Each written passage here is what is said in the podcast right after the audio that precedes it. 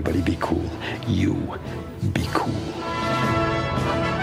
All right, you ready to have sex? You're the good kid. We come in peace. We come in peace.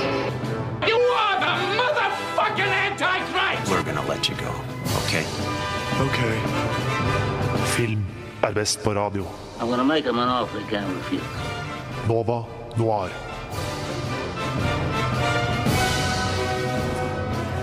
Hei, god morgen og godt nyttår alle der ute som hører på Nova Noir sin første livesending i 2022 her på Radio Nova. Om du lytter til oss på podcast, god hva enn det måtte være for deg akkurat nå. I dag er det jeg, Oda Krüger, som skal lose dere gjennom litt filmatiske kriker og kroker, men jeg er ikke alene. Rett foran meg her så har jeg min kjæreste. Ludvig Ikke min kjæreste, men min herligste. Ludvig. Vi skulle egentlig hatt eh, Alexander Helstenius her til min eh, venstre side. Han har skuffa. Han har bestemt seg for at i dag var dagen å forsove seg på, så han kommer nok til å dukke opp sånn eh, om en 20 En minutter. en gang. Om en 20 minutters tid. Kanskje litt sånn gjennom eh, første film, da. Første filmdiskusjon. Eh, Dere lurer kanskje på hvorfor vi har samlet dere her i dag, og det er for å diskutere skuespillere som har blitt regissører. Mer spesifikt skal vi diskutere Mid-90s, The Killing of a Chinese Bookie og The Bridges of Madison County, som alle er regissert av dyktige folk med skuespillerbakgrunn. Så da bare sier vi fra med en gang at det også beware of spoilers. Det kommer til å bli litt spoilers, selv om dette ikke er sånn store uh, plot twist-filmer, eh, sånn type Christopher Nolan-vibes. Eh, men før vi stuper inn i dette med hodet først, så er jeg nysgjerrig på hva du har sett siden sist, Ludvig. Uh, Og vært, Alexander, når han kommer. jeg har vært borti en film som heter Ron's Gone Wrong. Som er en animasjonsfilm fra 2021. Jeg, jeg sier det igjen 2021. uh, som handler om en, en skole, eller i en, et univers hvor uh, barn har på en måte en sånn robot da, som fungerer som en smartphone. Ok. En sånn smartphone-type robot. Hvor liksom eh, de har blitt oppslukt av disse robotene. Og, og liksom ikke henger med hverandre lenger. Sånn boomer warning. Ja, det er det. Den er Og jeg håper den er lagd av 50-60-åringer. Ja. Hvis den ikke er det, hvis den er lagd av noen under, under 40, så, Så er det kom, kom, igjen, kom igjen. Det er, det altså. Det her er sånn uh, vår tids sånn huldra, sånn, uh, sånn skremselspropagandahistorier. Ja, det det. Ikke gå til vannet, da kommer huldra og tar deg. Ikke kjøp denne roboten. Og så han, han Ron som det handler om, han er eneste som ikke har fått sånn av faren sin. For faren driver sånn 'Å, vi lekte med pinner og sånn da vi var der'. Han, han sier ikke det, men du er, du er nesten der, ikke sant? Ja, ja. Um, og, og så er han jo kjempeupopulær pga. dette, ikke sant? så han må få sånn Og Så får jeg en sånn defunct en som er litt mer menneskelig enn de andre. Okay. En litt mer uh, menneskelig telefon, liksom? Ja, ok. Mhm. Litt mer menneskelig telefon. Spilt av Zack Galifianakis. Så det blir, så det blir en veldig, veldig irriterende mer menneskelig telefon. Det kan jeg se for meg. Jeg, kan, jeg tror jeg står over en sånn menneskelig Zack Galifianakis-telefon. Den var, ja, jeg òg. Og den var veldig middelmådig, men den hadde sine øyeblikk. Som hvis de bare hadde innlemma den i en annen film, så hadde det vært eh, veldig bra. Så er det én sånn litt trist truthbomb som kommer inn der, som, eh, som jeg liksom ikke, som jeg ikke vil ha i en barnefilm. Det er når hovedkarakteren han har fått en allergisk reaksjon av en slag, ligger i hvert fall skada på bakken. Og så kommer den gjengen som leter etter ham fra skolen, som egentlig det var en sånn type gjeng som var venner med han før, men nå har de blitt populære, ikke han, så de er ikke venner med han lenger. Men så blir de venner igjen til slutt, da, fordi men, og, så, og så når de finner han liggende der, så sier han sånn der, 'Å, jeg vet at vi er ikke venner, men Og så han ene gutten, og så, så svarer han ene gutten 'Vi er ikke ikke-venner'.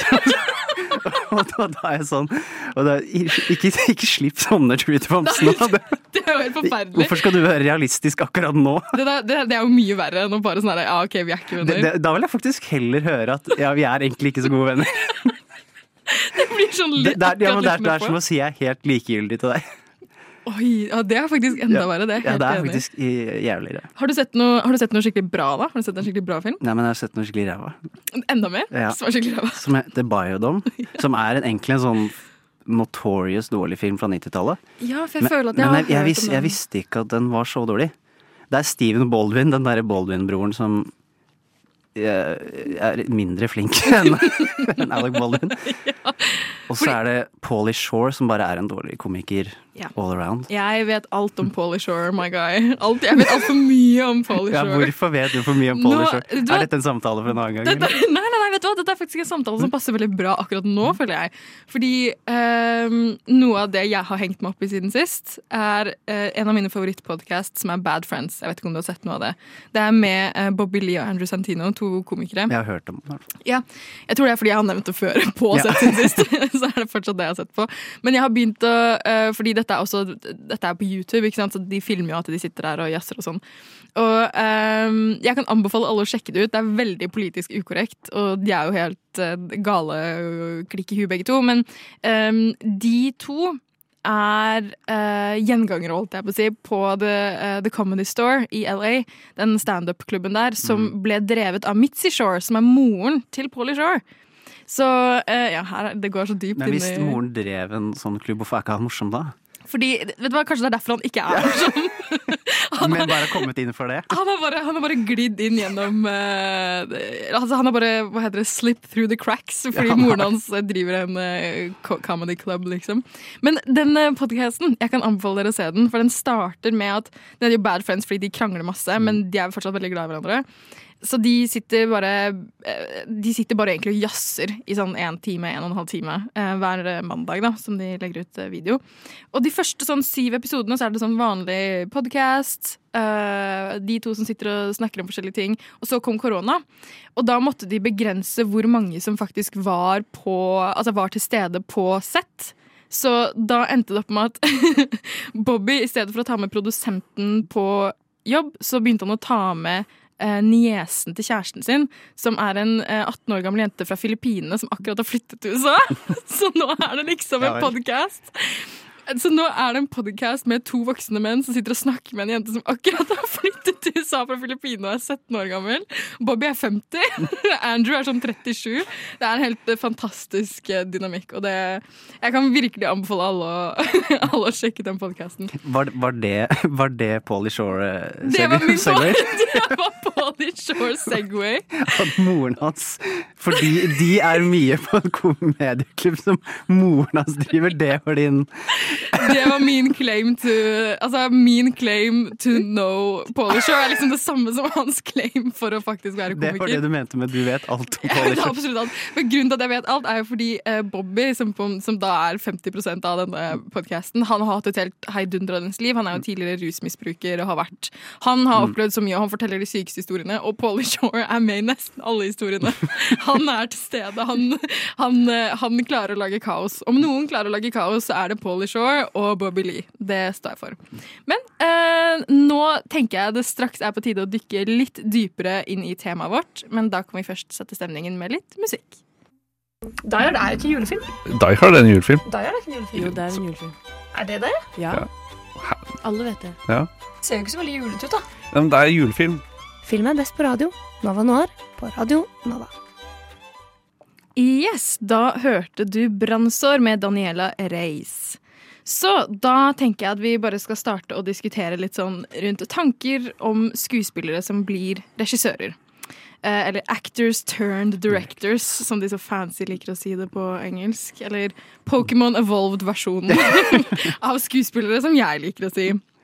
Dette er jo på en måte noe som altså For meg så virker det som at veldig mange skuespillere jobber mot dette. At det blir på en måte sånn eh, Skuespill er første ledd, og så jobber de seg sakte, men sikkert mot det å bli regissør. Eh, og Maggie Gyllenhaal hadde jo for eksempel sin debut i år med The Lost Daughter, tror jeg det var. Med Olivia Colman i uh, hovedrollen. Den gleder jeg meg veldig til å se. Vi snakket jo om den på vår forrige sending, Ja, Ludvig. vi Call back, call back! Um, og George Clooney kommer også ut med en film i år med Ben Affleck i hovedrollen, så den skal jeg ikke se. jeg vet ikke Ven deg. Vendetta. Jeg har sånn, sånn anti-Ben Affleck-toget, det er jeg fortsatt på. Så har du noen tanker liksom rundt hva i alle dager? Hvorfor? Eh, På en side tenker jeg kanskje at det handler om at eh, ego blir større. Mhm. At det, det kan hende at de kanskje alltid ikke har tenkt den tanken. Prøver du å si at eh, Hollywood-skuespillere har stort ego? Ja, jeg, det er hot take, men eh, jeg, jeg, jeg føler jeg må si det. Det måtte bli sagt, du Ja, hørte det da, da, her. jeg har sittet inne med det i seks år, liksom. Nå fikk jeg endelig sagt det på radio. Vet du hva, det, det var veldig godt å høre. Men eh, også på den andre siden så kan det være at skuespiller, skuespilleri i Hollywood er på en måte litt sånn young man's game. Det er vanskeligere og vanskeligere for roller Ja. når man blir eldre, spesielt for kvinner. Så da, da skjønner jeg at det kan være en naturlig rute både for å få jobb og for å kunne uttrykke seg kunstnerisk. Fordi hvis du bare Jeg tror du fort kan bli lei Hollywood hvis du kommer på punkt hvor du liksom ender opp som de samme rollene hele tiden. Mm, og det, det husker jeg faktisk uh, Meryl Streep sa i et, uh, i et intervju en gang. Uh, apropos Meryl Streep, vi skal snakke om en film med henne litt senere. Men da fortalte hun at det året hun fylte 40, tror jeg det var, så fikk hun tilbud om jeg tror det var seks filmer hvor hun skulle spille heks. så Hollywood sendte henne, uh, sendte Det henne er det eller mor? Nå, nå er du heks eller mor. Uh, ferdig snakka. Uh, og det er jo også kanskje litt mer prestisje bak det å være regissør. Jeg føler på en måte at uh, Det ligger noe i det ordet, syns jeg. ja, Jeg er regissør. sånn- regissør. Mm, og så når du snakker om directorial debut Mm. åh, huff, huff, huff, Det er liksom sånn, blir på en måte veldig fancy med en gang.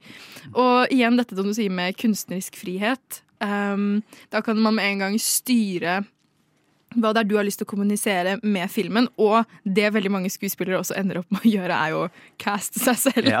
så, så jeg tror det er en, eh, er en tanke, at de på en måte eh, får filmer i I, i. I filmer hvor de caster seg selv, spesielt hvis de caster seg selv i hovedrolle, det virker Mhm. som en altfor vanskelig jobb. Det helt enig. Det virker helt, helt sjukt. Men det, men det er jo veldig fascinerende også, egentlig. Sånn, hvordan Er ikke litt av poenget at du på en måte skal ha en person som ser hvordan din prestasjon er utenifra, og skal kunne gi deg tilbakemelding på det? ha, du må ha en helt vanvittig evne til å kunne se deg selv, da, være kritisk mot deg selv. Mhm. Eventuelt så må du ansette mennesker som du vet er ærlige. Mm. Fordi hvis hvis, du bare, er hvis du bare får yes men, så kommer det til å bli dårlig, ikke sant? Da, det, altså, det blir jo ganske ofte det.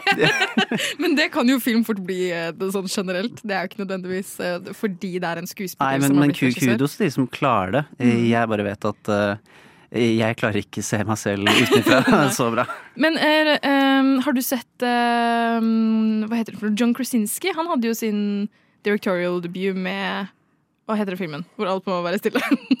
Ja, don't? Don't make a noise. Det er, ja, nå hører du på student... Nå hører du på studentradio. Men der har han jo ikke bare hyrt seg Det er, han, han, han og kona spiller han og kona.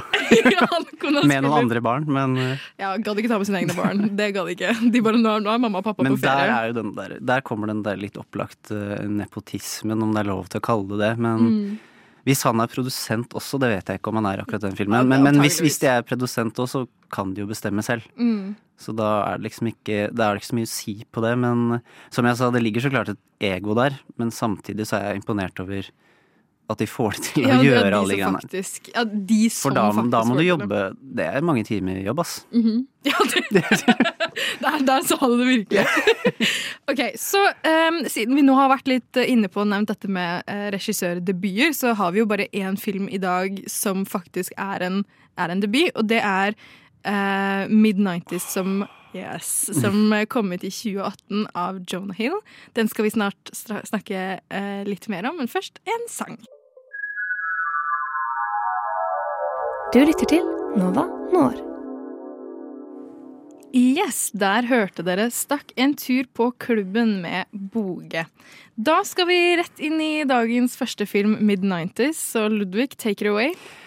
Ja, Mid-90s, eh, den er, som man hører, satt på midten av 90-tallet i Los Angeles, og den handler om tolv år gamle Stevie og hans på en måte møte med puberteten og tilhørighet og mye mer. Og eh, han velger å bli med i en skategjeng med litt eh, eldre, eldre gutter, og det handler rett og slett om hans reise med dem og hva, kanskje hva han lærer av dette. You think you're pretty cool. Your ghetto ass friends. You good? You think you're tough and shit. You're just a little fucking kid. A lot of the time, we feel like our lives are the worst. But I think if you looked at anybody else's closet, you wouldn't trade your shit for their shit. So let's go. That's why we ride a piece of wood, like what that does to somebody's spirit. Yes, Umiddelbart kan jeg bare si at sånn som dere da hørte i traileren nå, det er utrolig mye bra musikk i denne filmen. Dritmye bra. Det var- Spesielt var- hvis du er glad i 90-tallsmusikk. Ja, veldig, men også litt sånn jazzy, eldre Det er, det, er, det er bare playlisten til Jonah Hill, det er jeg 100, det er jeg 100 sikker på. Men Jeg føler liksom at uh, størstedelen av uh, budsjettet der gikk på bare å kjøpe rettighetene på masse kule ja, det, sanger. det tror jeg ikke er spøk Det, engang. det er liksom Watermelon Man og Herbie Hancock og sånn som er sånn uh, Det var derfor han hyrte amatørskuespillere som han ikke trengte å betale. Men det er, det er jo en annen ting, fordi denne filmen her skal jo på en måte fange Jonah har jo sagt at denne handler i stor grad om egne erfaringer eh, fra hans oppvekst i LA. Og disse barneskuespillerne de gjør en helt fantastisk jobb. For han som spiller, eh, han som spiller eh, hovedrollen, Stevie, eller som de kaller han, Sunburn Han ble solbrent. Det er sånn én ting som skjer én gang, og så får du kalle navnet, liksom. Um, eh, han skal vel være da 12 eller 13 år, Mm. eh, og alle de rundt han skal være en typ 17-18.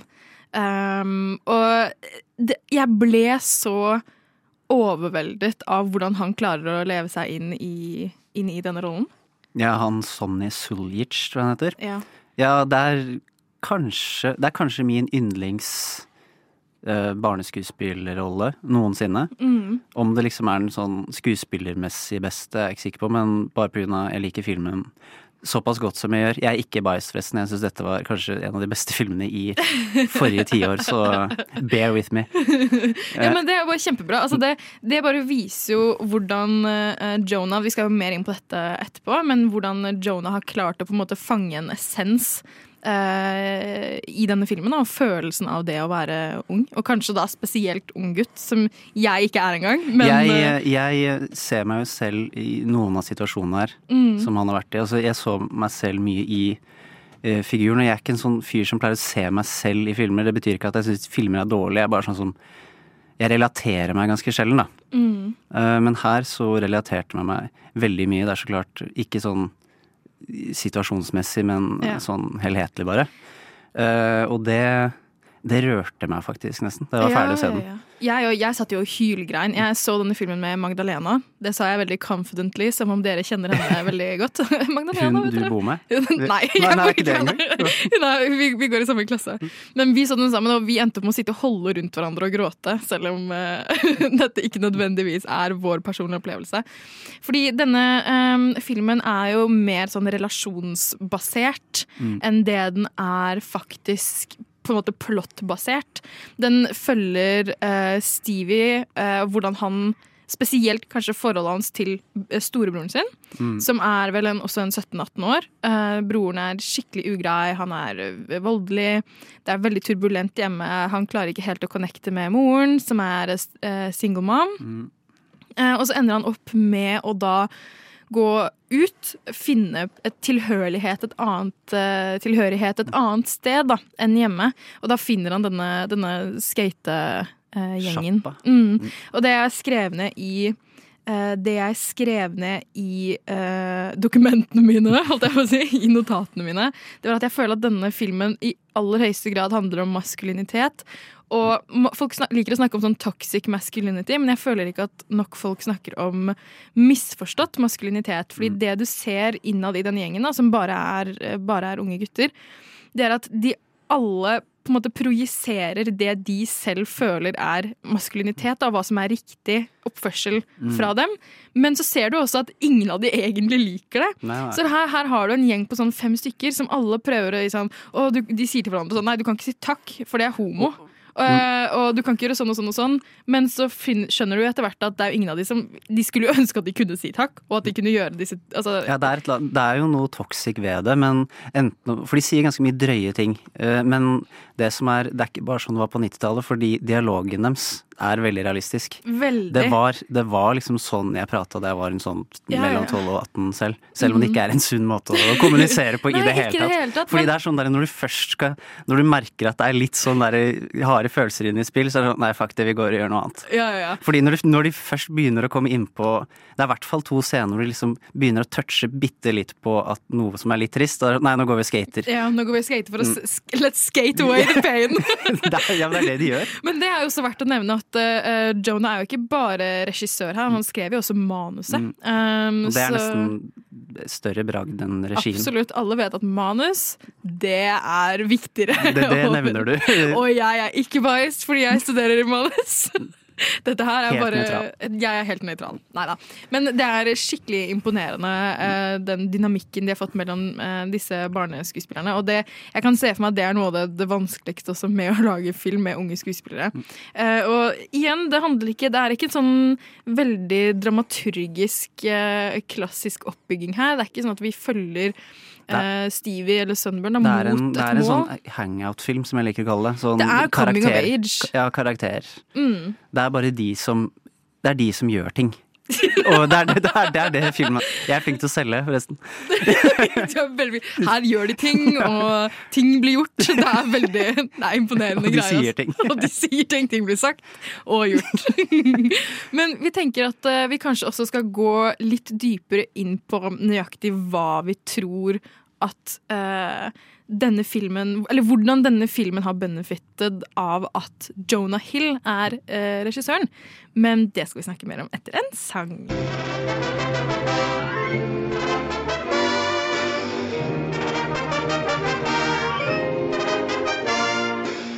Du lytter til Nova Noir hver torsdag 10-12 eller på podkast når du vil. Yes, der hørte vi Speed of Light med Divest. West. Og nå, kjente og kjære, har vi en ny person i studio. Omsider. Alexander Helstenius. Alle sammen, klapp for ham. Hallo, hallo.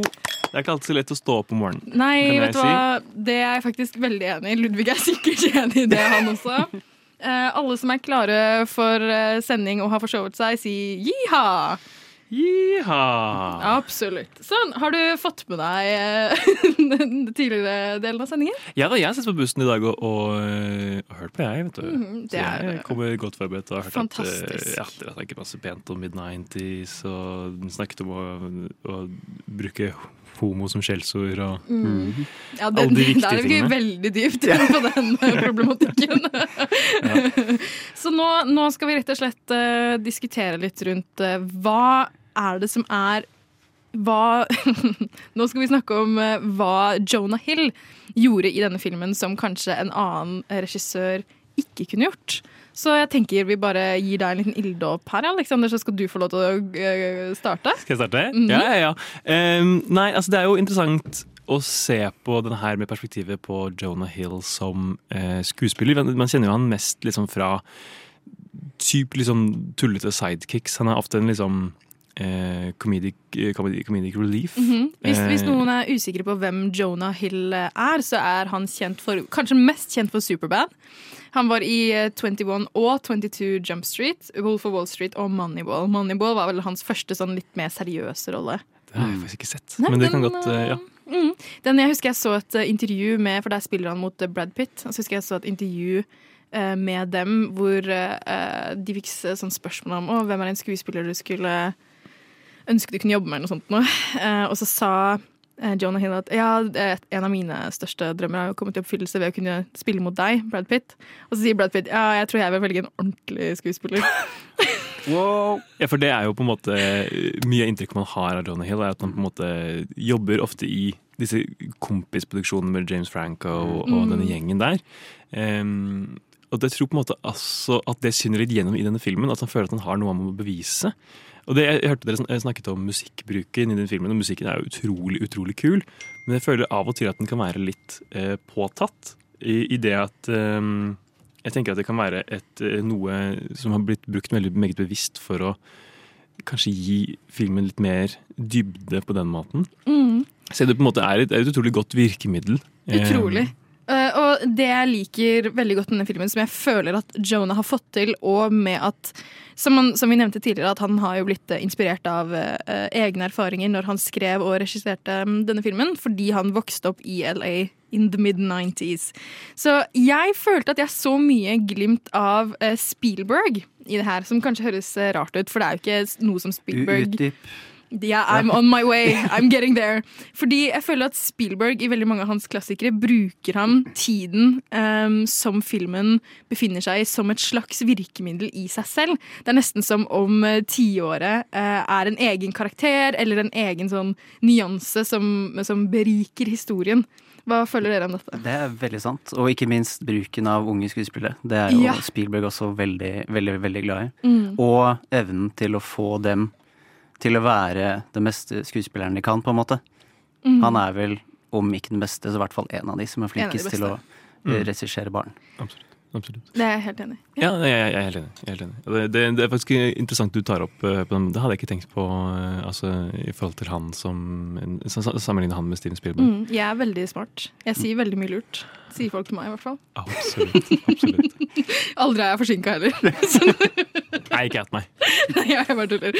Men så hva tenker vi sånn, Hvis denne filmen da for eksempel hadde blitt eh, regissert av eh, Spielberg, siden vi nå har eh, dratt den sammenligningen, hva, hva hadde denne filmen mistet? Som på en måte jeg jeg føler har? at den der litt sånn gritty looken har, og jeg kan ikke Unnskyld meg, sette fingeren på noe sånn spesifikt, men det er et annet som ser litt sånn rushet ut. Du ser at han ikke har hatt 100% kontroll på alt hele tiden. Det er noen Mm. sånne derre tweaks, sånn, spesielt på den tekniske delen, som kanskje ville gjort for å raffinere den Mm. litt mer, men da hadde du ødelagt mye av den derre estetikken i filmen som jeg syns Mm. funker. Jeg tror den hadde blitt for polert hvis en veldig etablert regissør skulle lage den. For det er en litt eh, Den der med at den ser upolert ut, gjenspeiler veldig godt hvordan de karakterene føler det òg. Ja, fordi det, var, det tenkte jeg For det også er, det er en turbulent film, på en måte. Absolutt veldig turbulent film. Den handler jo om å vokse opp. ikke sant? Å bli voksen og, og finne Og det- ut hvem du er. Og... Puberteten er umulig, ikke sant. Så, Puberteten så er- da, da passer det helt fint at, er, at filmen er litt shaky, da. Mhm. Både fysisk og metaforisk. Det, det tenkte jeg altså på flere ganger. At av og til så var det som eh, Fordi skjermen i seg selv er jo litt sånn Det er som om hele bildet er litt gritty. Og Mm. av og til så var det noen sånn klippevalg som jeg syntes var litt merkelige. Men så, så begynte jeg å tenke at jeg lurer på om det er, er det bevisst. At det er gjort for å bare føles litt kaotisk, fordi det er jo sånn livet var på det tidspunktet. Og jeg har også uh, lyst til å gi, siden, nå, siden vi nå har hedret uh, han Sunny Suljik, er det han heter, så mye, så vil jeg også gi en liten shout-out til Lucas Hedges, som spiller storebroren. Han er også kjent er for ja, Han er kjent for uh, eh, spille i Manchester by the Sea, for eksempel.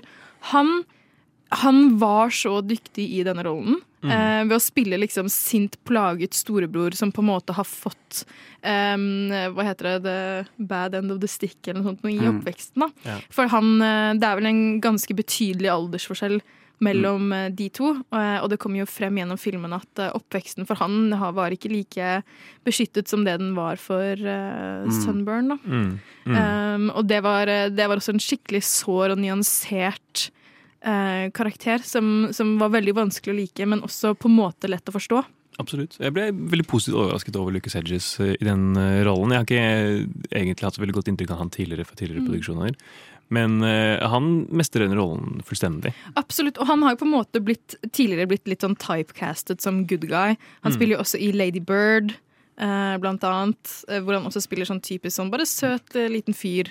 Det er kanskje fordi han, han har et ganske sympatisk utseende, og det, det gjør han storebroren li, kanskje litt skumlere. Ja, ikke sant? Kan, jeg- er det, er det brannfakkel å si at han ligner litt på Alexander? Ja. Jeg, jeg, jeg skjønner hva du mener. Du skjønner hva jeg mener? For når jeg ser på Alexander nå, så ser jeg litt sånn Lucas Hedges. Prøver du å hevne deg på meg nå for at det kommer for sent? Nei, jeg mener det! Var det ikke du som akkurat sa at han hadde sympatisk utseende? Det var Ludvig som oh, ja, sa jeg er har ikke uttalt meg noe som helst om Lucas Hedges utseende. Ikke Nei, putt skal- ord i munnen min nå, da. Så uh, overall, da. Uh, Jonah Hill som uh, regissør og i sin debutfilm er det tommel opp fra gjengen. Ja, Fra meg. Ja. Ja. To tommel opp. Ja. Jeg gleder meg til neste. Jeg også gleder meg masse, veldig spent på hva som kommer til å bli. Absolutt veldig spent på hva han, hvor han tar den videre. Jeg, jeg syns veldig interessant på den til Steven Spielberg-analogien. Um, og han har jo ofte mer platter enn filmer, og ofte mer PG-13-filmer. Veldig. Eh, så la oss krysse fingrene for å håpe at, eh, at eh, Jonah Hill ikke går ned den veien. For Jeg det tror, jeg jeg, tror Jonah Hill er litt for glad i å banne. Ja. Eh, ba, veldig bas basert på rollen han har. Jeg, tror han, jeg tror ikke han kan legge vekk de fuckene, altså. Banning, weed og Mm. Og han er jo liksom. ja, ja, og han er også veldig kjent for å være dyktig i sånn improv i scener og sånn. Ja. Så jeg føler at han, han er en type som har lyst til at skuespillerne skal slå seg litt løs. Og det Mm. virker det som at han har lent seg veldig på i denne filmen òg, for å få den autentiske dialogen da, mellom jeg, de forskjellige. Jeg syns Alex ramsa det bra. Banning, weed og ligging. Jeg Banning, tror det, weed og ligging. Jeg tror det er det vi, det er det vi liksom forventer av han nå. Det var han, han prediction, ja, ja, det var prediction for, eh, for Jonah Hill sin neste film. Men nå skal vi over til en film eh, av en regissør som har litt mer erfaring, og i hvert fall hadde litt mer erfaring på det tidspunktet hvor de lagde denne filmen.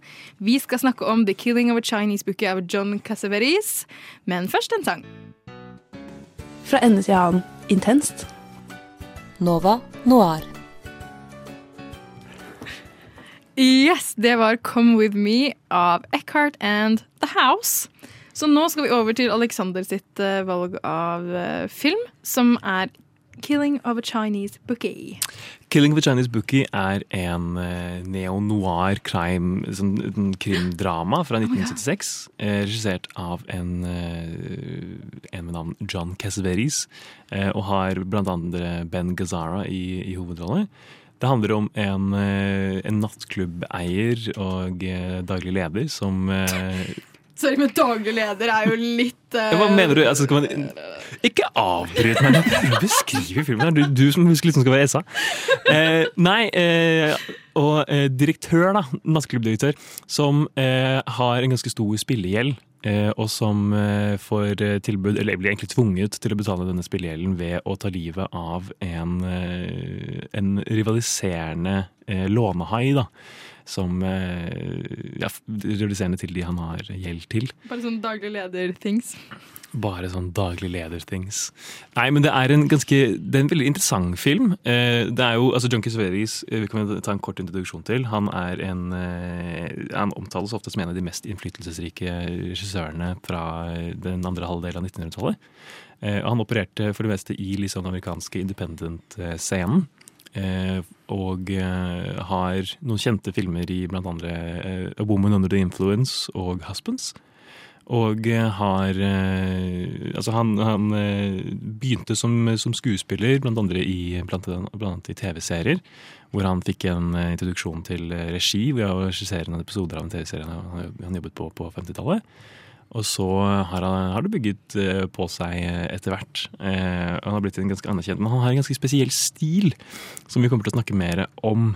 Men eh, først Har vi noe førsteinntrykk, Ludvig? Først har vi vel kanskje en trailer? Først en trailer. Det kjører vi på. This guy owes us money. He's gonna pay.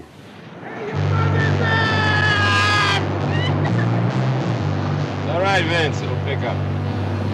Have a big night.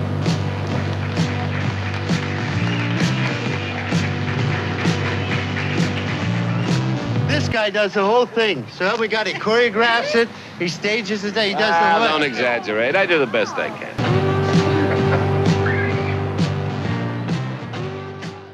Og nå kan vi ha tanker i hytt og pine. Kom igjen, Ludvig. Nei, altså, denne filmen jeg vet ikke, det er lenge siden jeg har sett en film hvor jeg liksom ikke vet, vet hva jeg skal si. For jeg føler liksom dette var en film som for meg handlet mer om, eh, om uttrykk eh, enn om innhold.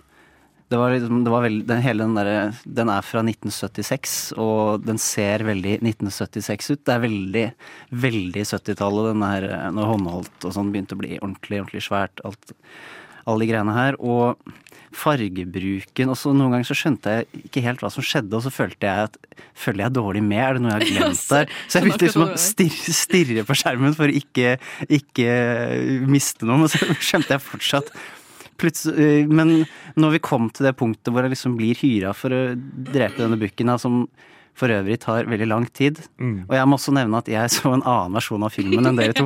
Jeg så en versjon som varte i to timer og et kvarter, og så er det en annen som varer i en halvannen time, liksom. Ja, ja, for det finnes to versjoner av denne filmen. Eh, og Den første er jo The Theatrical Cut. Eh, og det er litt sånn omvendt, egentlig. The Theatrical Cut er ganske mye lengre enn Mm. Director's Cut. En halv time. En halv time mer eller Mm. mindre lenger.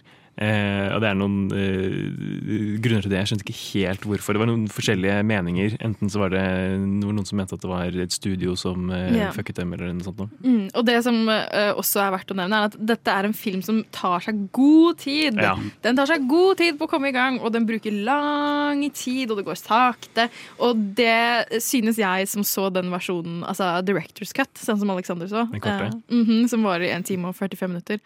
Og bare der følte jeg at det bare, den tok seg tid. Men det var, eh, jeg føler veldig mye av det samme som det du nevnte, Ludvig. Jeg vet ikke, at, som er at jeg ikke vet helt hva jeg føler. Den, eh, det jeg føler at er filmens eh, styrke, er at den lar seg selv få den, og bruke den tiden som den trenger. Har lange shots og, og skaper liksom en veldig tydelig atmosfære, som jeg syns var veldig, veldig god. Men dette var jo Alexander sitt eh, filmvalg for dagens sending. Og når han først eh, så den, så sendte han en melding rett etterpå og sa dette likte jeg ikke. Jeg vil bytte film. Ja. Og så neste gang jeg så den etter det, sa han jeg liker den mer nå. For det, det var en rar opplevelse, egentlig. Det er ikke så ofte jeg ser filmer hvor jeg tenker eh, Eller hvor jeg på en måte endrer mening etter hvert som jeg har sett den, til det mer positive.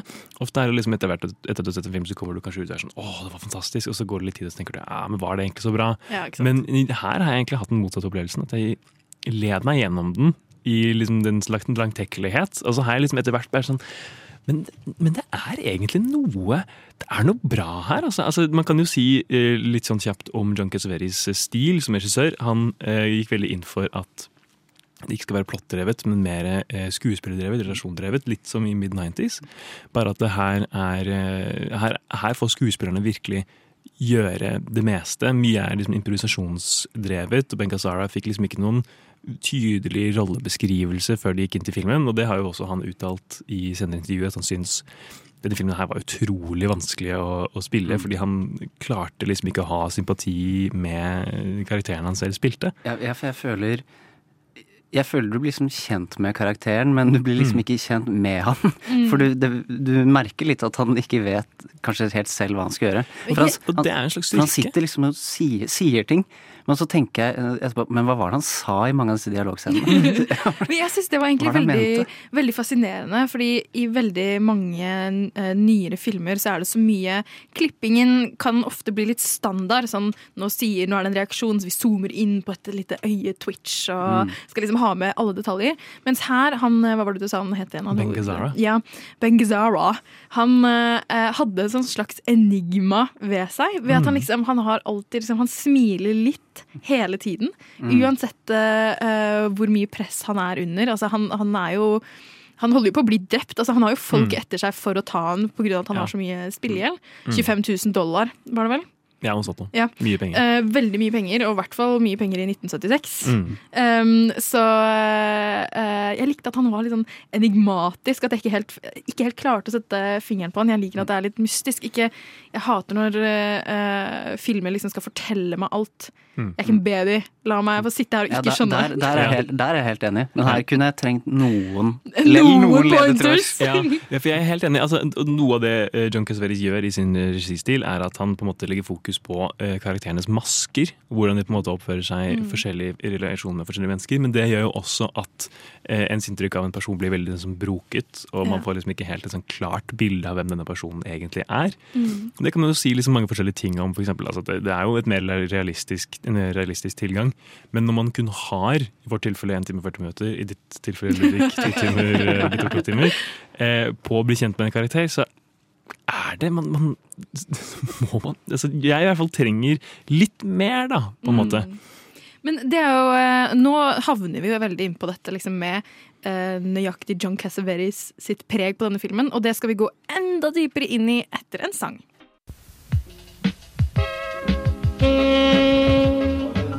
Alle tre, og så kommer Edmund og bare What the fuck? Ja? Du? Du vet når hun gjør den der, den der husker jeg ikke. Mm. Å, shit, shit. Eh, n- n- Nova Noir.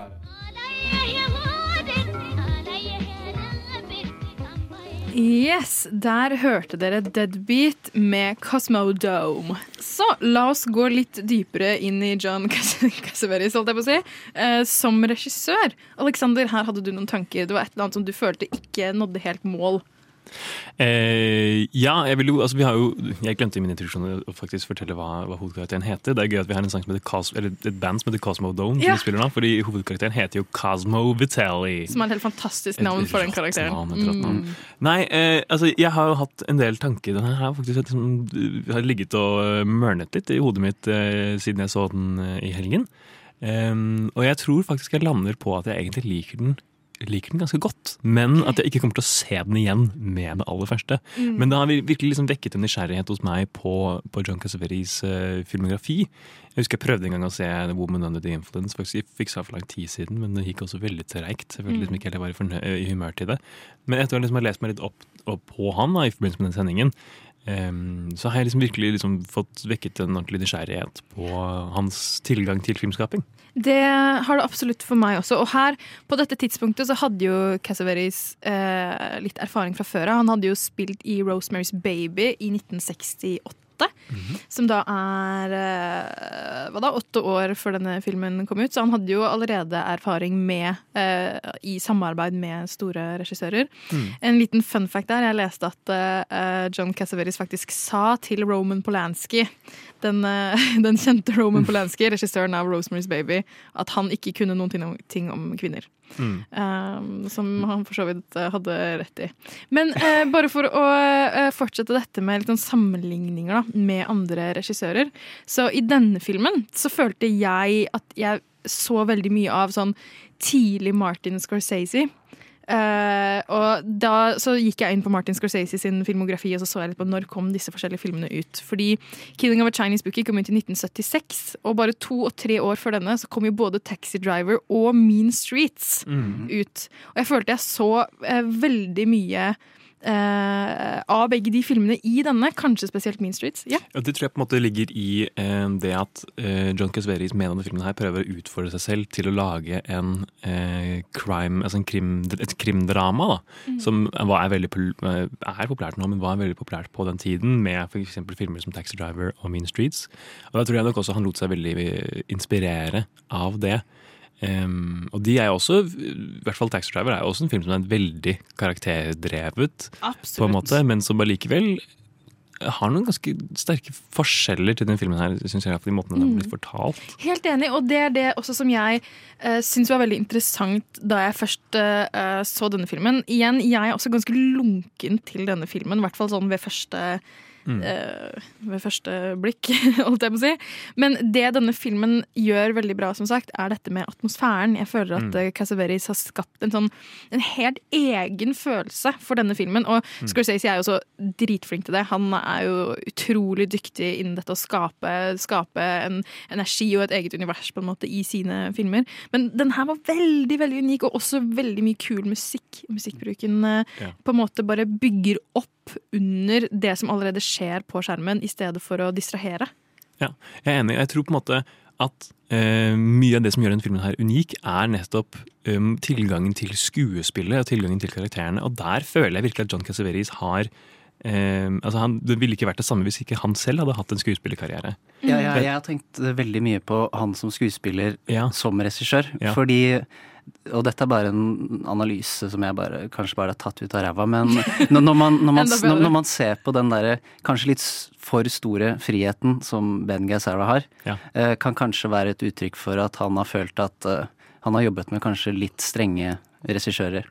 Ja. Som ikke har latt eh, skuespillerne få jobbe litt friere, eller i, i hans øyne ikke fått jobbet fritt nok, da. Mm. Og, Som- så der da har han bare kjørt full liberalt. eh, gjør noe. Altså. Men det må jo være veldig spennende. Sånn, han har jo da sikkert jobbet med mange regissører som, som kjører My Way or The Highway-type regi. Så kanskje det her også er Vi diskuterte jo litt det i starten, Ludvig, at eh, det er en, en helt annen måte å på en måte eh, få sånn kreativt outlet, da, å kunne Mm. regissere en egen film. Og da si sånn, vet du hva, her får du frie tøyler, må jo også være uh, spennende å, å observere. Fra Mm. utsiden. Mm. Eh, og eh, nå har jeg egentlig bare liksom lest meg opp litt på John Cassaveris eh, historie, på en måte, og for å komme med enda en anekdote fra hans liv. Han hadde jo en beef med method acting. Ja. Faktisk. Eh, og eh, hadde annet en beef med en spesiell method acting-skole i New York. Hvor han selv lot seg og en kompis eh, liksom gå på audition, eh, egentlig bare for å pranke dem.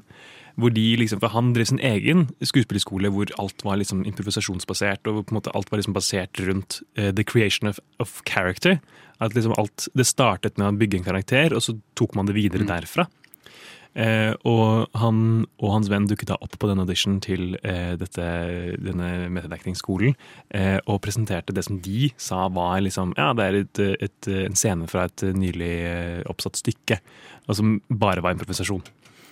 Eh, og som han, eh, læreren for denne skolen ble bare så begeistret for at han bare tilbød dem liksom plass med, med det samme. Og så sa John Cassavetes at nei, jeg har så lite penger at eh, jeg, jeg kan ikke klare å, å gå på denne skolen her. Og så fikk han tilbud om et fullt scholarship på denne skolen. Og da sa han bare rett tilbake sånn Du kan jo ingenting om skuespill hvis du ikke klarer å gjennomskue at for det første auditionen vår var lag, bare altså. kødd, Ja. og jeg bare kødda når jeg sa at jeg ikke har penger til å Vet du hva? Jeg, jo, jo mer jeg lærer om John uh, jo mer liker jeg han. Han virker som en fyr som, eh, som har litt oppi huet. Mm. Kontra, han, han er på en måte motparten til Jared eh, Leto. Har han noensinne regissert en film? det tror jeg ikke, og vet du hva? Det vil jeg ikke Hvis han har det, hold det langt unna meg. Ja, Det, har ikke, det har jeg ikke lyst til å forholde meg til. At han Ja. Ja, Vi hadde egentlig lyst til å snakke om en eh, film som heter The- Two Jakes, regissert Ja. av eh, Jack Nicholson. Det ble Min- dessverre ikke noe ja, av. min, egne, min egne kjære Jack Nicholson. Uh. Eh, ja. Men kanskje vi skal ha en egen, egen sending med om, om oppfølgere som flopper, for det skulle jo være en oppfølger oh, til det er en plan, ass. Ja. Det, er en, yeah. det er jo en egen sjanger. Mm. Men uh, nå skal vi straks over i neste filmen, som da blir The Bridges of Madison County. Og da skal vi over i en, en helt annen eh, verden igjen. Da er vi ikke nede på the gritty, da skal vi inn i liksom det mer klassiske kjærlighetshistorien, regissert av Clint Eastwood. Så da skal vi først høre en liten sang. Er Inglourious Passages den beste Tarantino-filmen? Nei, det er jo ikke det. Det er ikke det. Det er, er det noen som mener noen av dere det? Nei. Sånn helt Ja. Du mener det? Ja. Film er best på radio. Nova Noir.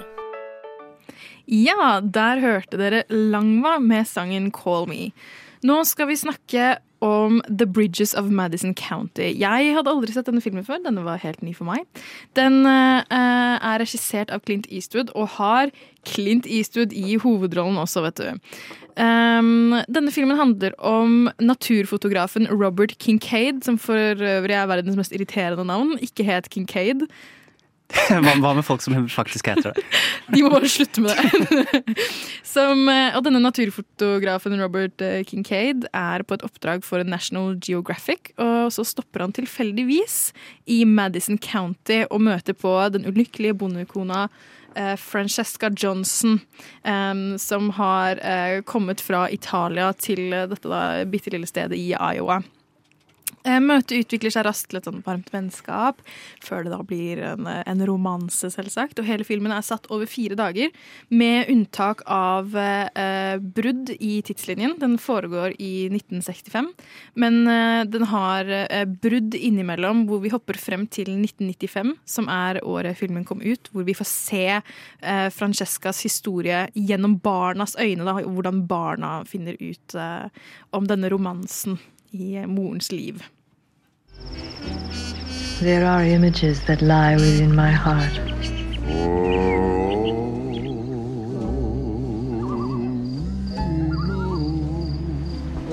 Images with the power to recall the warmth of a summer's night,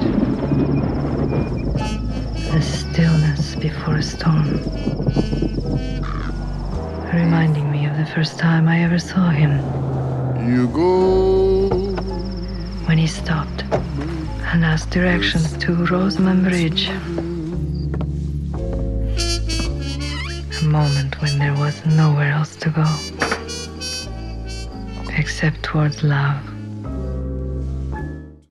Yes, der hørte vi litt av traileren og litt av eh, Fikk kanskje litt sånn stemningen ut ifra den der.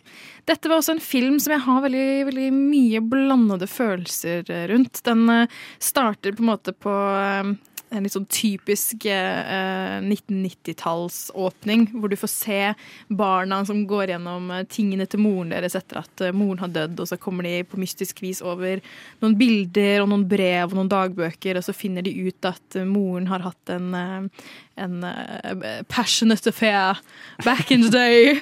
Uh, og dette er jo veldig opprivende for eh, barna, som uh, på en måte har levd i troa om at mamma og pappa har jo alltid vært lykkelig forelska, og det er jo bare sånn det er for foreldre. Og så får vi jo se da Meryl Streep, som gjør en fantastisk rolle. Hun gjør det jo alltid altså, Men med en italiensk aksent, som ikke er Med sånn kjempegod. Med en tvilsom italiensk ja. jeg, altså. aksent, jeg ble altså. aldri 100% vann, Så vant til ikke heller. Det, Det virka ikke helt som hun ble det heller. min, eh, min, eh, mitt notat angående det er aksenten til Meryl Streep er punktum, punktum, punktum hmm. For jeg visste ikke. Fordi hun har jo da på dette tidspunktet i filmen så har hun bodd i USA i mange år, så, Ja. så det skal jo ikke være en kjempesterk italiensk Ja, men jeg aksent. føler at den, kommer, den blir sterkere og svakere, litt sånn, Litt sånn fra på scene måfå. til- Kommer og går, liksom. Det er veldig rart. For hun har jo bodd der i 20 år, liksom. Ja, Hun har vært der siden, siden krigen, hele Mhm. 1965. Så denne, denne filmen den, den er jo veldig sånn klassisk romanse, med da Clint Eastwood i regien. Um, og de har uh, mye kul dynamikk seg mellom Meryl og, og Clint. Uh, og litt sånn tørr humor og morsom dialog eh, fra tid til annen, men jeg må bare si at de eh, bruddene i tid hvor vi hopper til barnas perspektiv, det var dårlige greier, ass. Ah, fy. Og Er det det, det var dårlig? ja, det var forferdelig de var dårlig. og de skuespillerne var ikke så De- gode. Manus det var var så dårlig. dårlig. Jeg, dette, ikke for å være pretensiøs her, men det var cringe. for å bruke et stort ord, det var cringe. Nei, men det var ekte cringe. Og Det er Det- altså bare sånn, altså, altså fordi det, Vi møter dem jo bare liksom innimellom. Vi starter hos dem. Eh, De oppdager, eller de får liksom en bankboks da, fra, fordi moren er nettopp dødd. Det er en bankboks. I denne bankboksen boksen så ligger det et brev, og så ligger det en liten nøkkel, og så låser de opp en liten, eh, liten kiste, og der finner de liksom dagbøkene hennes, da, som de sitter og leser. Og så plutselig så blir det sånn denne, denne, denne dagboken får dem til å tenke helt nytt om livet sitt. Ja, men jeg, jeg, er utro, jeg, er jeg er nesten sjokkert over hvor naive de er. Ja. De er, de er i 40-50-årene, liksom. Ja, Og så, Det, Og han blir så sint, han mannen. det, det var så gøy, for der, der er det en bror og en søster. Og det morsomste er når han broren ser på søsteren sin og bare Do you think they had sex? Og jeg bare, Selvsagt hadde de sex. Da er du helt ute, eller? Når du møter Clint Eastwood på gata, og dere for, forelsker dere på en, på en bro i Madison County, selvsagt har man sex. Det var jo en passionate affair. Men eh, det var også ting som, som jeg syntes var veldig fint. Sånn som eh, Det var sånn dette er jo for øvrig også basert på en bok, det er jo eh, verdt å nevne. Så de tingene som, som plutselig var veldig vakkert, var ofte i dialogen, synes jeg, og i, i den voiceoveren, hvor du da hører Meryl Streep snakke. Ja. Um, og den ene tingen som jeg synes var veldig vakkert, var jo at hun sa Hun skrev ned hele uh, historien, og så skrev hun at uh, jeg har holdt dette hemmelig så lenge, men når du blir eldre, så skjønner du at det er ikke dette som har noe å si. What, what matters is to be known. Så hun ønsket jo bare å, å, å, være, å være kjent, da. At noen skulle kjenne henne og vite hennes historie. Mm. Og fordi det ender jo ikke bra. Uh, dette er jo i rural America på midten av 60-tallet, eh, så du kan jo ikke forlate Det er nesten litt sånn uh, et dukkehjem, da. Du, kan Mm. ikke, du kan ikke forlate mannen og barna dine for å, å følge din store kjærlighet. Sånn er det bare. Og det var derfor også denne filmen jeg fikk veldig blanda følelser av den, fordi overall så syns jeg ikke at det er den sterkeste, sterkeste filmen. Men eh, når jeg så filmen ferdig, fordi den fortsetter i sånn 20 minutter etter at de skjønner at de ikke kan være sammen lenger, Mm. så ser du at eh, den, vet du hva, den handlet kanskje ikke egentlig om, eh, om kjærlighetshistorien i det hele tatt. Den handlet om en kvinne som er fanget av normer i et samfunn hvor hun ikke føler seg hvor hun ikke føler seg hjemme. Og jeg tror også, jeg vet ikke om dette var um, Clint Eastwood sin intensjon, jeg vet ikke om han har the emotional range, men jeg føler også at det kanskje ikke hadde noe å si uh, nøyaktig hvem uh, Meryl Streep sin karakter møtte på dette tidspunktet. Jeg tror det kunne nesten vært hvem som helst, fordi det var det tidspunktet hvor hun gikk gjennom denne, denne krisen hvor hun er sånn Jeg vet ikke om jeg liker livet mitt. Mm. Og så tror jeg ikke at det hadde gått bra uansett. Det var bare hennes tragiske Mm, skjebne. Eh, jeg vet ikke hvordan dere Nei, jeg, jeg føler litt på samme måten at altså, jeg vekslet veksler litt mellom å tvile og tro på deres eh, kjærlighetsrelasjon. Men jeg tror egentlig jeg landet litt på at altså, med begge karakterene og deres litt sånn ensomhet, da, egentlig. Altså, Clint Eastwoods karakter går liksom sånn sett, ah, ensom? Nei, det tillater jeg meg ikke selv å føle meg. Det er bare tull. Det er bare en sånn hoven, pompøs pikk. Um, men uh, En se på meg. Jeg har vært uh, rundt og reist i verden, og jeg har venner i alle havner og sånne ting.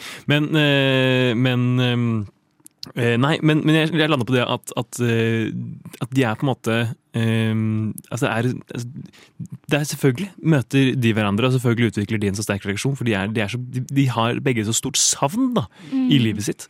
På en måte. Så du prøver å fylle med andre ting. Eh, Streeps karakter fyller det med liksom daglige ærender og, og eh, i det hele tatt. Bare liksom dytte ting vekk med å alltid holde seg opptatt. Mm. Mens eh, Clint Eastwood bare reiser verden rundt og prøver å etterlate alle sine problemene sine. Mm. Og uh, jeg tenker at det er uh, It's time. La oss snakke litt om uh, Clint Eastwood sin rolle som regissør i en film hvor han spiller en perfekt karakter uten flås, eh, etter denne sangen. In a world that's powered by violence. In a world without gas. In a world where owning a radio was strictly forbidden.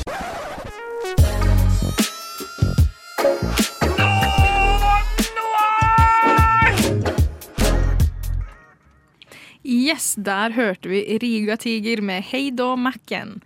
Så nå skal vi fortsette litt med, med The Bridges of Madison County. Som sagt så hadde jeg veldig mye blandede følelser her.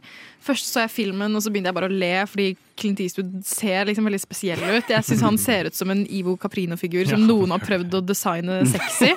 Det mener jeg bestemt. Han ser ut som eh, hva heter han, Goodlike Knotten. Ja, fra Flåklypa. Ja, fra Flåklypa. Jeg syns eh, det var veldig mye rart. Jeg har et litt sånn eh, turbulent forhold til Clint Eastwood, for han er en veldig sånn klassisk amerikansk regissør.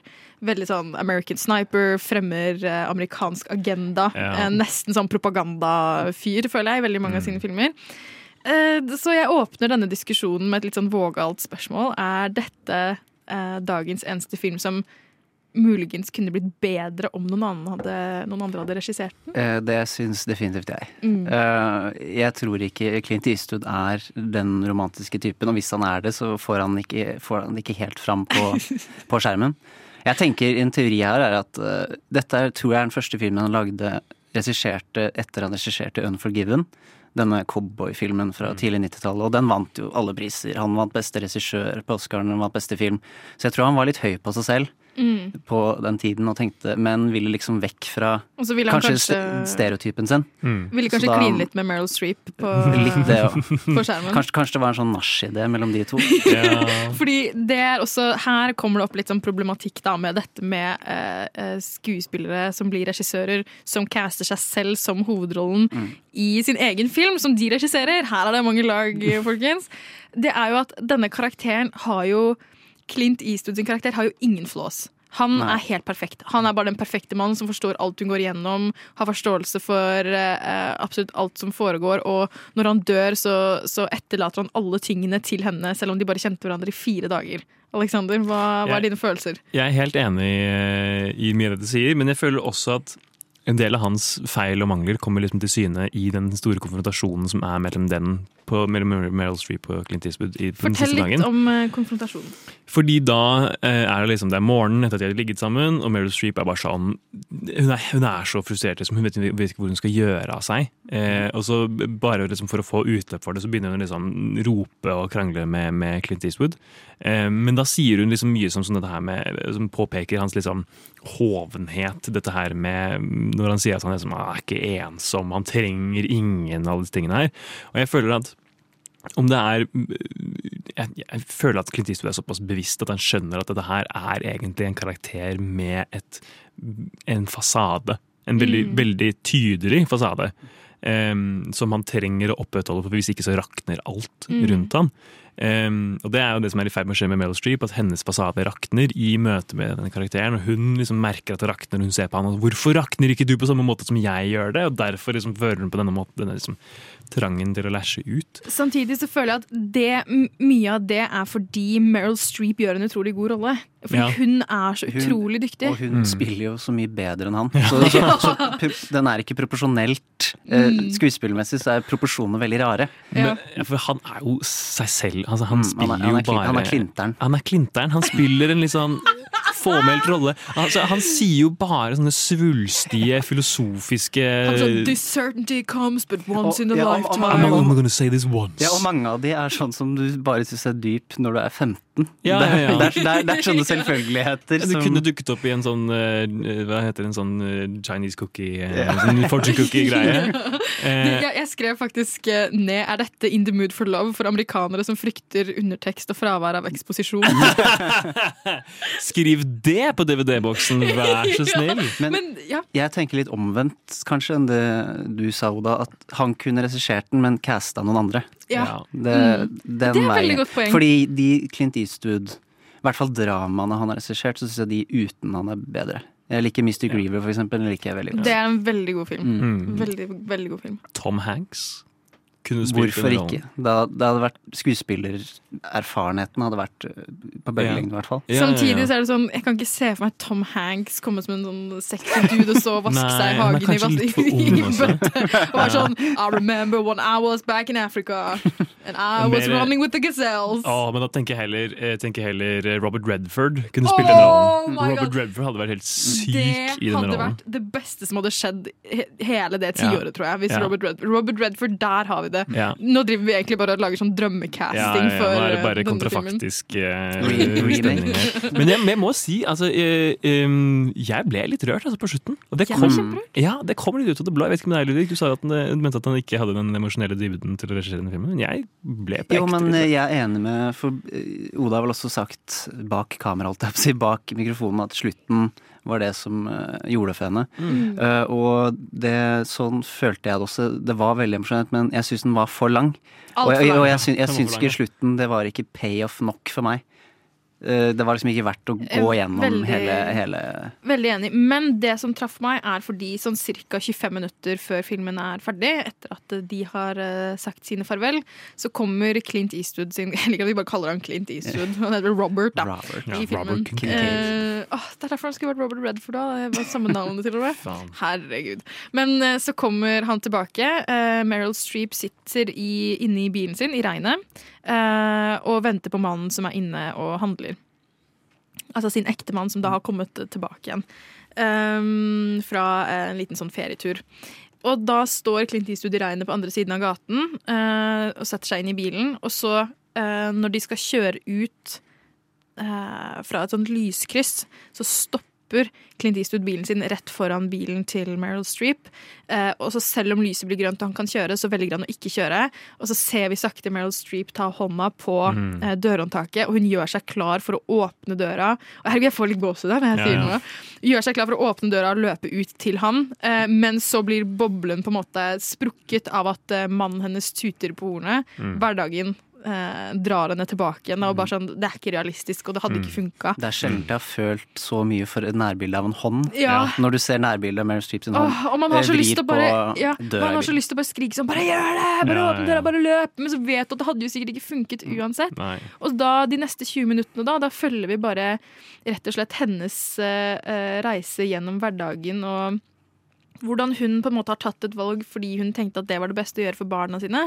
Men så ser du også klipp fra eh, 1995 da, hvor du ser at eh, det datteren har lært fra moren sin, er jo, er jo eh, eh, at du må bli værende i forhold som kanskje ikke er bra for deg. Så du er på en måte doomed to fail uansett hva du gjør. da. Og det var, det var den delen som rørte meg, er at eh, eh, mødre Mødre. Det var det, det, var, eh, det var det som rørte meg. Åh, men så går vi tilbake til nåtiden, og så kommer han mannen han, mannen, eh, Han drar hjem til kona, sønnen drar hjem til kone, kona si og barna, og kona er sånn Hva er det du driver med? Hvorfor har du ikke sagt du var borte hele natten? Jeg skjønner ikke, Kan ikke du fortelle meg hva du skal gjøre? Og han er sånn Gjør jeg deg lykkelig?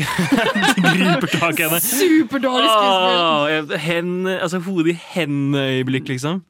Det var, altså, det, var, det var rett og slett flaut. Han, han var sånn flaut dårlig, han Ja, eh, mm, skuespilleren. Så rett og slett, kanskje, vi, kanskje det er der Clint Eastwood sin svake side rett og slett er. Det er casting. Ja. Ja. Han burde bare ha castet ham. Meryl Streep, der naila han det. Ja, for han klarer ikke å regissere scener hvor ikke han er med. det er veldig rart. Han må ha seg selv, men oi, det er sånn catch, catch 22. men eh, nå har vi jo vært litt inne på manus, basert på bok, da, da, da, da, da. Eh, og jeg tror faktisk eh, dette var det for dagens eh, filmer. Før vi skal gå over i en liten manuslek. Og det, det kan bli spennende, gutta. Alle sier wop wop. Wop, wop, wop, wop. Veldig bra. Nå skal vi høre en sang. Do you want to play a game? Why do you seem so scared? All I wanted to do was play with you. Please come and play with me. Let's play a game! Den fantastiske jinglen var jo laget av yours truly, Alexander her. Den er, ikke- den er jo laget av av han- mange talenter. Det er laget av han, men jeg har, jeg har stemmen, iallfall. Veldig, veldig mange talenter. Nå, eh, For det første så hørte dere Rigmor med Plastikksolen. Eh, og nå skal vi over i en liten manuslek eh, som eh, er som følger. Først så skal eh, mine to eh, sendingskompiser her, Alexander og Ludvig, eh, lese opp en scene fra en kjent film som jeg har kjørt eh, et par ganger for mye gjennom Google Translate. Um, og så skal dere Det er ikke, forresten ikke lov å gjette hvilken film scenen er fra før dere har lest ferdig scenen. Um, etter dette så har jeg også forberedt to kjente monologer til hver av dere. Og siden liksom, dagens tema er sånn skuespillere som har blitt uh, regissører, så vil jeg at dere skal gi hverandre uh, reginotater på uh, monologene. Så da skal dere få lov til å veilede den andre. Har du, har du liksom Kanskje Ludvig føler at Alexander må må ha Mener du før eller etter vi har fremført? før dere fremfører. Mm, Så kanskje okay. Ludvig føler at Alexander må ha en, en aksent. Ja. Eller kanskje Alexander føler at Ludvig må ha en veldig spesiell innlevelse, og tonefall og Ja. energi, da. Ja, ja, ja. Eh, Dette tror jeg blir veldig spennende. Vi Så dette, kan, dette kan gå veldig bra. Det kan også bli veldig merkelig, men high risk, high reward, det er sånn jeg lever gjennom livet. Ja. Så eh, da tenker jeg vi bare kan gå i gang med scenen, jeg. Eh, Alexander? Jeg har jo da den første, første replikken her. Eh, Er det noen ønsker fra Ja, forfatteren på eh, Eh, jeg Har du noe regi? ønsker Ja, jeg ønsker at dere skal være ganske Jeg vil at dere skal være veldig kompis. Ja. Og veldig eh, Kanskje litt intense. Litt sånn Ok. Ja! Okay. Okay. Hvis dere har lyst til å slenge på en liten dialekt, eller noe sånt, nå, så er det også helt lov. Altså.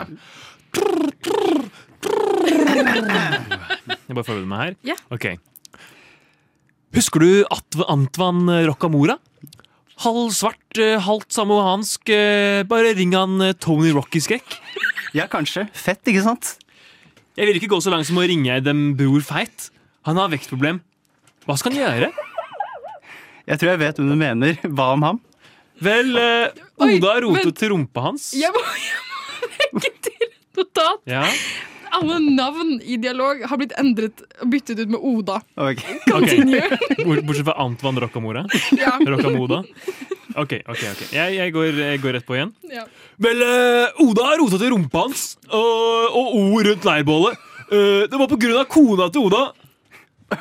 Hva gjorde han? Knulla henne? Nei, nei, nei, nei, nei, ingenting dårlig. Vel, hva da? Han ga henne en fotmassasje. En fotmassasje? Ja. Er det alt? Ja. Hva gjorde Oda? Jeg sendte noen gutter til hans plassering. Eh, De tok ham med til terrassen til leiligheten hans, eh, kasta rumpa over balkongen. Han falt ned fire historier. De hadde denne hagen under. ikke sant? Innelukka glass eh, som et av et, eh, et dem drivhus. Han, eh, han mislyktes som et resultat. Eh, siden har han eh, utviklet en talevanske på en måte. Det er en jævla skam. Likevel må jeg Likevel må jeg si spill med fyrstikker. Du brenner deg selv. Hva mener du? Oda vil ikke bli gitt deg til ny brud, en fotmassasje. Syns du ikke han overreagerte? Antoine hadde nok ikke forventet det, Oda med å, med å reagere som han gjorde, men han måtte forvente en reaksjon. Det var en fotmassasje! En fotmassasje er ingenting! Gi min mor en fotmassasje! Det legger hendene på Odas ny kvinne i en kjent sti Sti? Er det like ille som å spise dem, nei? Men du er i samme dritt ballbinge. Wow, wow, wow, wow, wow. Akkurat passe der. Spis en tispe og gi en tøs. En fotmassasje er ikke engang samme jævla greia. Ikke det samme, samme ballpark. Det er heller ikke et stadion. Søk eh, kanskje din massasjemetode er annerledes av meg. Men berører damen hans føttene og stikk tungen inn i det aller helligste. ikke sant? Samme ballpark. Er ikke samme liga, er ikke engang samme, den samme sporten. Fotmassasje betyr ikke en dritt. Har du noen gang trent fotmassasje? Ikke snakk med meg om fotmassasje! Jeg er foten mastergrad. Gitt en haug av dem? Shit, ja. Jeg mestrer teknikken, mann. Jeg kiler ikke eller noe. Har du noen gang sparket en gutt? Massasje? Faen deg. Oh my god! Altså, Det Det der var var helt nydelig, Alex. fantastisk. Ikke snakk med meg om fotenmassasje. Jeg er foten mastergrad. Det, Faen det, deg. det er faktisk muligens eh, den beste replikken noen gang skrevet. Så nå er spørsmålet, da. Har dere, har dere noen tanker om hvilken film dette er? Ja, Pulp Fiction. Det Ja, det er, må være det. Jeg var kjent med scenen, men det må være Ja, ja. det er Pulp Fiction. Alle de fettene må være Quentin Tarantino. Er det? kan ikke være noen andre enn fotmannen selv. The Foten foot- mastergrad. Om noen har mastergrad i føtter, så er det Quentin Tarantino. Vet du hva, folkens? Det der var helt fantastisk, og jeg koste meg. Er vi klare for eh, hver vår monolog? Eller ikke jeg, da, men dere. Jeg er klar. Den første monologen er jo uh, Ludvig sin. Har, uh, Alexander, hva har du av uh, tilbakemelding? jeg, altså det, står, det står jo at mitt navn er Oda Krüger. Hun er 27. Eh, tror på å ta vare på seg selv. Jeg tror, jeg tror vi skal være Jeg tror jeg vil ha litt sånn Feminin? litt, Nei, vet du hva? Jeg vil ha litt Marlon Brando. Oi! Jeg vil, jeg du skal late som om du har eh, litt sånn bomullsdotter i Kina. Du skal liksom snakke sånn her litt sånn det er litt, Kanskje litt sånn blanding mellom Marlon Brando og kongen. Ja. Um, Ludvig liker ikke denne leken. Altså, så du, skal ta, du skal ta deg god tid, liksom, du skal ha lange pauser. Liksom, sånn, ja, eh, og så syns jeg du skal liksom ha litt sånn Hoppy i, i tonefallet. Du skal liksom ikke gå helt sånn tungt. Jeg syns det skal være litt sånn opp og ned, sånn stakkatoaktig. Ok. Er du klar? Eh, skal jeg bare begynne? Ready, set, action. Jeg bor i American Gardens-bygningen på West 81st Street. Mitt navn er Oda Krüger. Jeg er 27 og tror på å ta vare på meg selv. Et balansert kosthold og en streng rutine. Om morgenen når ansiktet er hovent, tar jeg på meg en ispose mens magen skriker. Jeg kan ha 1000 nå. Etter å ha tatt ut ispakken bruker jeg vaskemiddel. I dusjen bruker jeg en rensegelé som aktiveres med vann. Kroppspiling følger. Honning og mandler. Og om gelépilingen får piling. Jeg, jeg fortsetter med en mynte ansiktsmaske som jeg lar virke i ti minutter mens jeg forbereder resten av rutinen. Jeg bruker alltid en aftershade med lite eller ingen alkohol, fordi alkohol tørker ut ansiktet ditt og får deg til å se fetere ut. Deretter en fuktighetskrem, deretter antialdringsøyedråpe, og til slutt en liten fuktighetsgivende og beskyttende øyedråpe. Det er en idé om Oda Krüger. En slags abstraksjon, men ikke den virkelige meg. En enkelt enhet, noe misvisende. Og selv om jeg kan skjule mitt kalde blikk, og du kan håndhilse på meg og føle en fysisk kontroll over deg, og kanskje til og med føle at livsstilen vår er sammenlignbar, er jeg ikke der. Wow! Det var en dramatisk Wow, performance. Wow. Har du noen tanke om hvor denne monologen er fra? er Christian Bale, er det ikke det? Det er Bale. åpningsmonologen i Eh, American Psycho. 100 Mm, korrekt. Veldig bra. Jeg Det var fantastisk. Fascinerende å se på ansiktet ditt mens du tar på deg. Du, du, du konsentrerte deg så mye at altså, øyenbrynene vibrerte. det, det var egentlig bare å se opp og ned på manus. Det er ikke, tull, er ikke noe tullball, altså. Så hva er dine notater til, til Alexander? Uh, ok, um, disse tingene jeg skjønner du har Jeg har lyst på Nå vet jeg liksom ikke helt eh, hvor vi er, men den store blå badedrakten, bare det, det setningen der er jo fin. Ja. Du går inn i skapet og velger ut en Prøv med litt uh, Jeg vil ha sånn en eh, lettsinnet, litt uh, sånn morsom person prøve å være alvorlig. Og du okay. kan analysere det Og nå har vi- Du nå kan har vi analysere to- det som du vil. Nå har vi to minutter på oss, folkens, så nå er det bare å kjøre Da på. kan du også gjerne prate litt sånn fort, sånn som en lett Ja, ja. Ja, men jeg, jeg på, jeg. Kanskje du, Eh, kanskje du er litt nedlatende? Litt sånn ha-ha, Mm. Ja, ok. Disse tingene? Å, ok, jeg skjønner. Eh, Du tror det ikke har noe med deg å gjøre. Du går inn i skapet ditt og velger ut og jeg vet ikke, den eh, store blå badedrakten, for eksempel. Fordi du prøver å fortelle verden at du tar deg selv for seriøst, at du ikke bryr deg om hva du er knyttet til. Baksiden. Men det du ikke vet, er at denne badedrakten ikke er blå. Den er ikke turkist, den er ikke blyant, den er faktisk cerulean. Du visste heller ikke at Oda Krüger gjorde en kleskolleksjon i 2002. Og Da antar jeg at Ludvig Wilknell ikke satt viste en militærjakke i Derolin. Og så dukket cerulin snart opp i sammenlignet åtte forskjellige produsenter. Deretter krasjet han inn i en matbutikk. Hoppet deretter inn i en fryktelig tilfeldig vinkel som uten tvil slår mot en vask.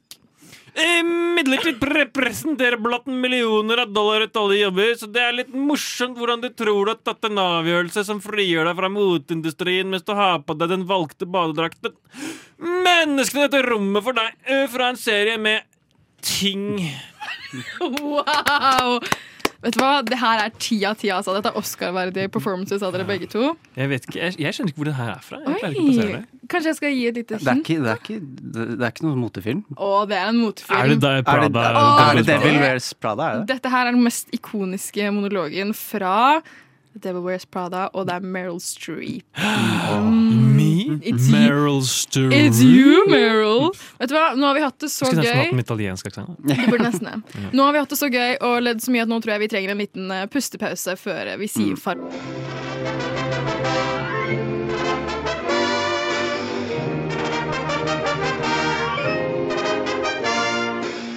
Du lytter til Nova Noir hver torsdag 10-12 eller på podkast når du vil.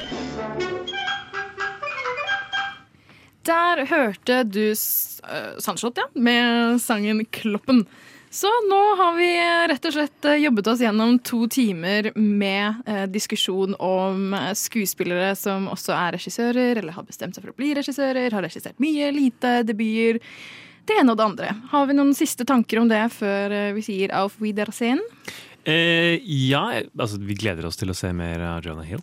Hva han Definitivt. eh, regisserer Mm. i fremtiden. Det tror jeg er noe vi kan ta med oss videre her. Ja, og så gleder jeg meg til å aldri igjen snakke om Jared Leto, bare sånn Mm. generelt. Ferdig med han.